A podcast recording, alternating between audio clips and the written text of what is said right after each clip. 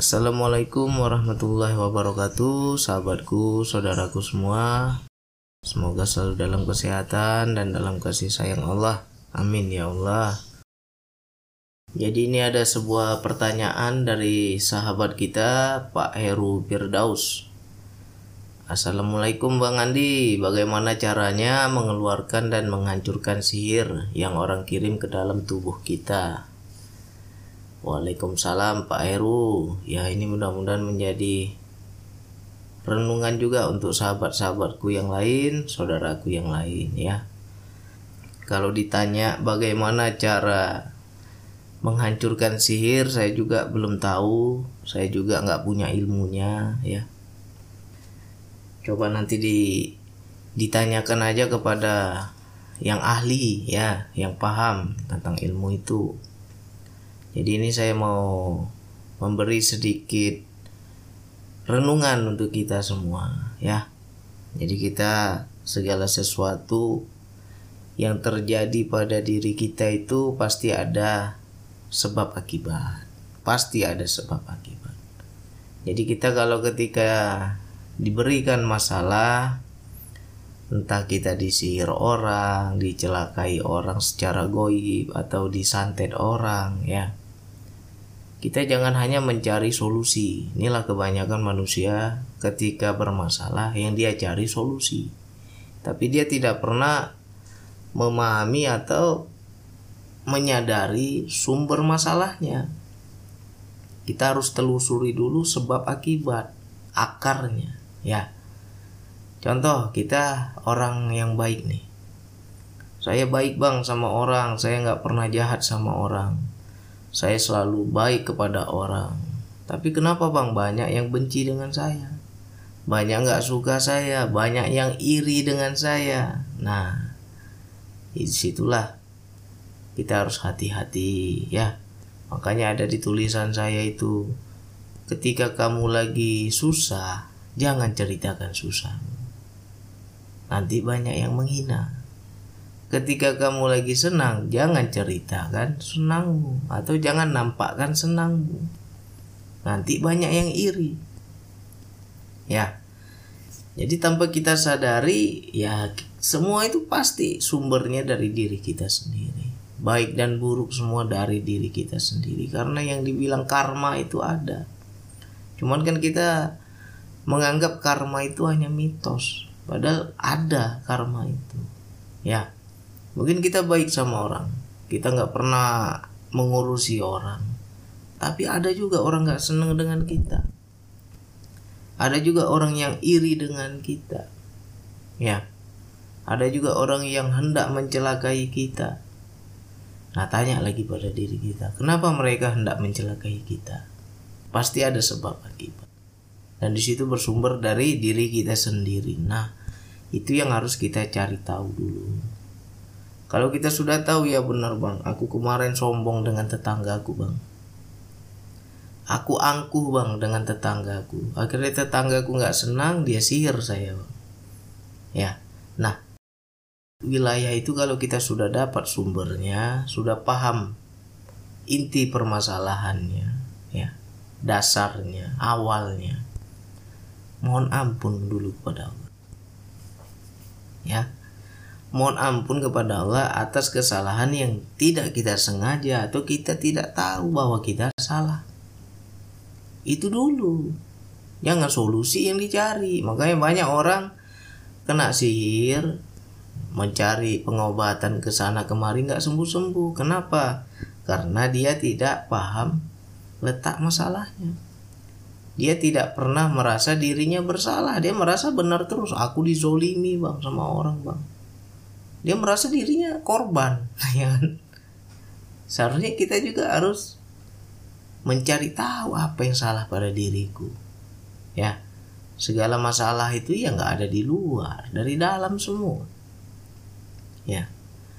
Jadi untuk menilai ini ujian kah ini azab kah coba bagi saudaraku sahabatku siapa pun yang mungkin kena penyakit sihir Coba tanya diri sendiri. Ketika kita mengalami atau menderita sakit itu, hati kita tenang atau hati kita susah? Kalau aku tenang bang ini semua sudah ujian Allah sudah maunya Allah ya aku terima bang. Aku sabar aja bang. Itu bertanda ujian. Ya itulah ciri-ciri ujian yang dari Allah tapi kalau kita dikasih penyakit sihir itu, terus kita susah hati, kita sengsara, kita menderita, kita pokoknya hidup ini rasanya ya sudah susah aja lah. Nggak ada senang-senangnya. Susah sekali. Itu tandanya azab. Ya. Itu tandanya azab atas apa? Atas kesalahan yang kita lakukan dan kita belum minta maaf kepada Allah. Ya.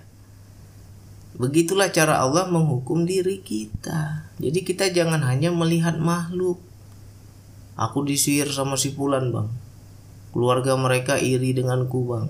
Aku disantet bang segala macam.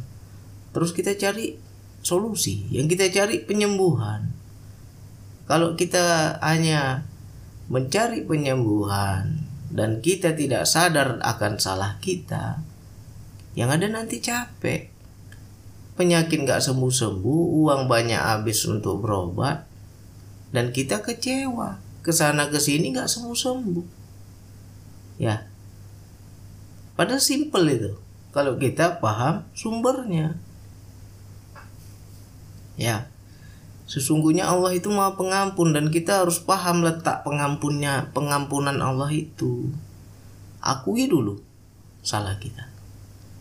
Ketika kita akui, ketika kita pahami, ya Allah benar ya Allah. Semua bersumber atas perbuatanku sehingga si Fulan sakit hati ya Allah. Ketika dia sakit hati, dia pergi ke dukun, dia sihir saya ya Allah. Semua gara-gara akulah yang sombong ya Allah. Sehingga dia sakit hati dan dia berbuat zolim.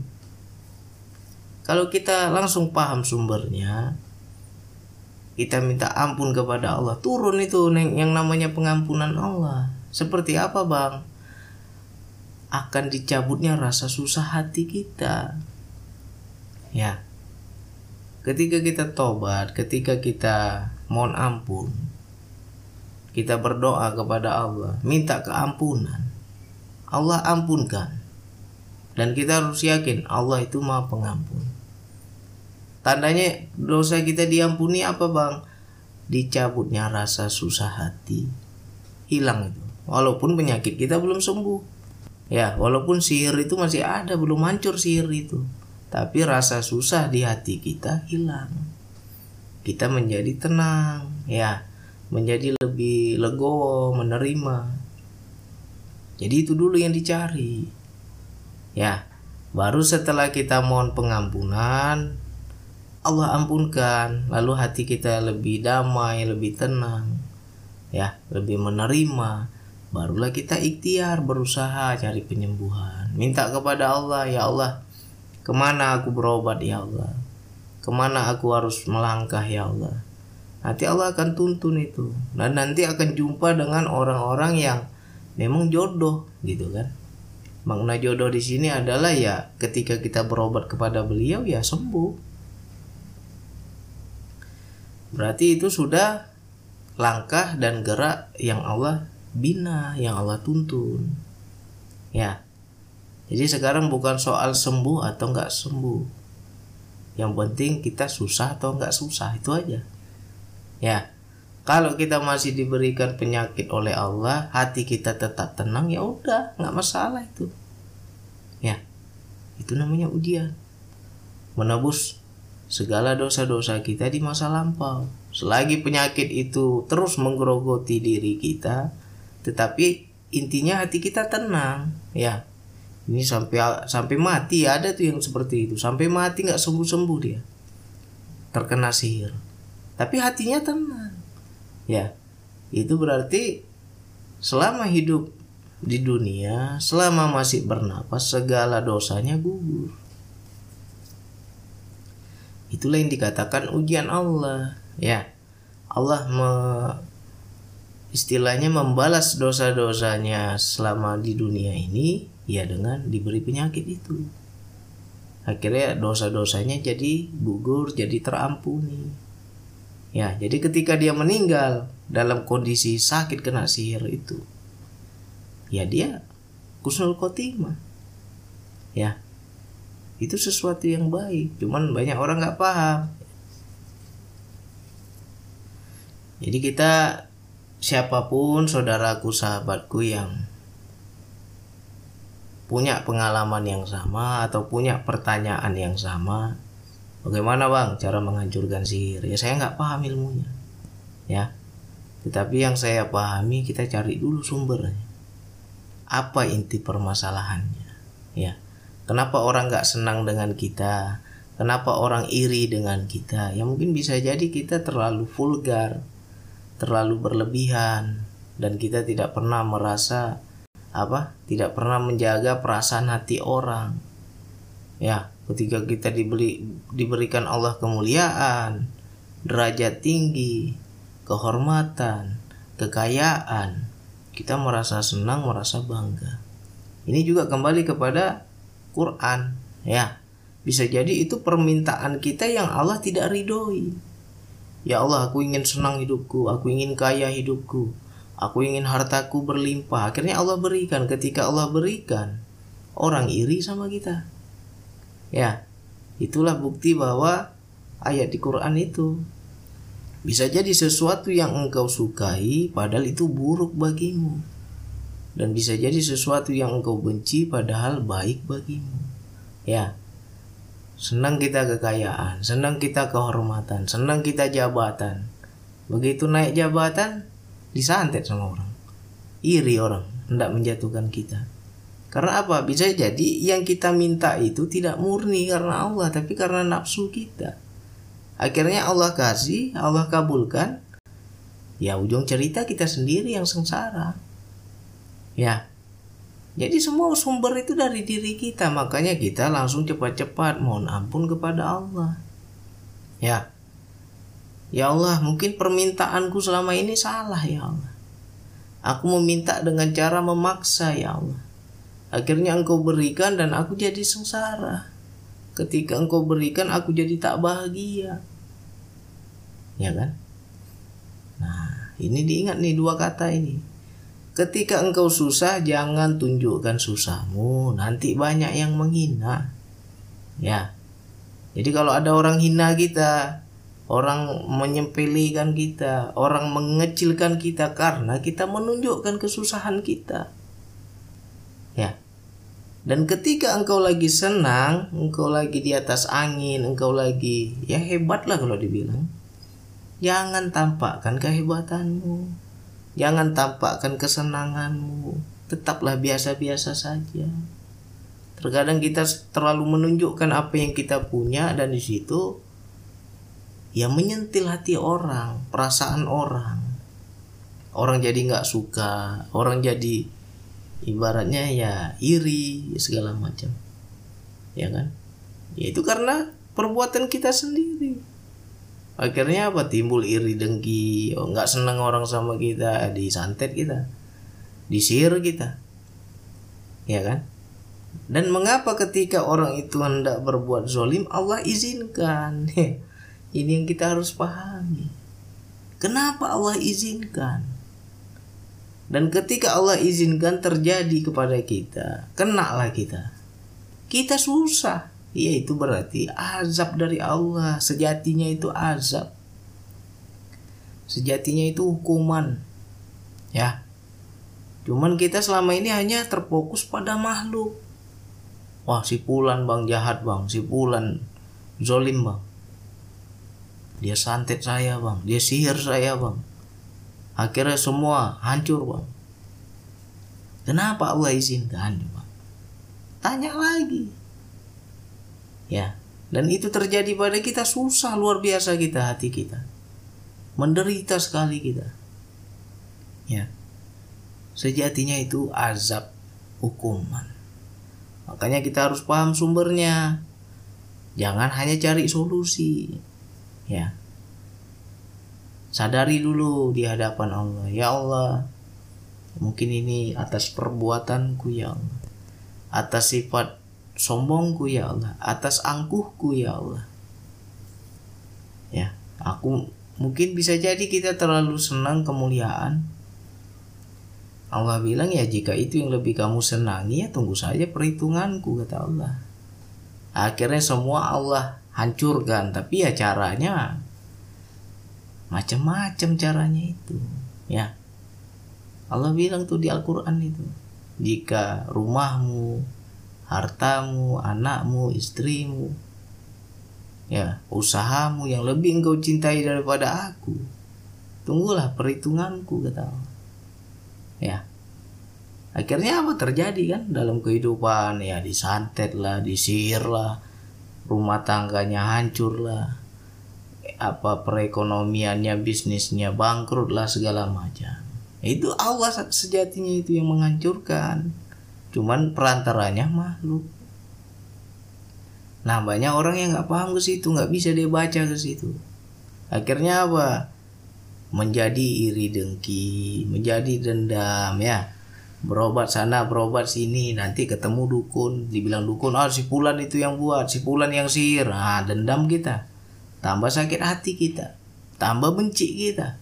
Ya makin terjebak itu kalau yang begitu. Ya. Jadi tanya dulu diri apa sih salahku? Mungkin aku nggak salah sama makhluk tapi aku salah sama Allah. Pernah nggak kita sadari itu? Ya? Coba tanya dulu. Ya Allah mungkin ini salahku ya Allah. Ini keinginanku Ini ke kecintaanku kepada dunia Sehingga engkau ambil dengan cara yang gak enak ya Ya? Mungkin aku zolim Mungkin aku dulu sombong Mungkin aku durhaka kepadamu Tapi aku gak paham Aku gak ngerti aku sombong Aku gak ngerti aku ria Akhirnya apa? Allah turunkan azabnya. Jadi kita mohon ampun dulu. Kalau sudah mohon ampun dan Allah turunkan pengampunan, nah itu akan hilang. Sirna. Ciri yang pertama adalah hati kita tenang. Mau sembuh nggak sembuh ya, hati kita sudah ikhlas, sudah rela, sudah menerima, sudah ridho. Ya, nggak susah hati lagi, hidup kita lebih santai.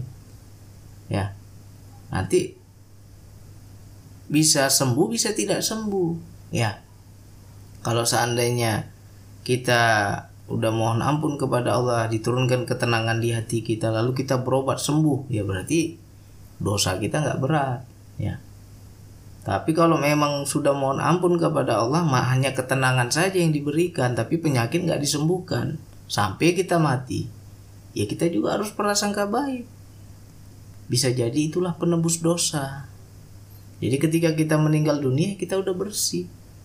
Ya. Kusnul khotimah itu insya Allah. Jadi orang-orang yang mati kena sihir itu kusnul khotimah. Ya.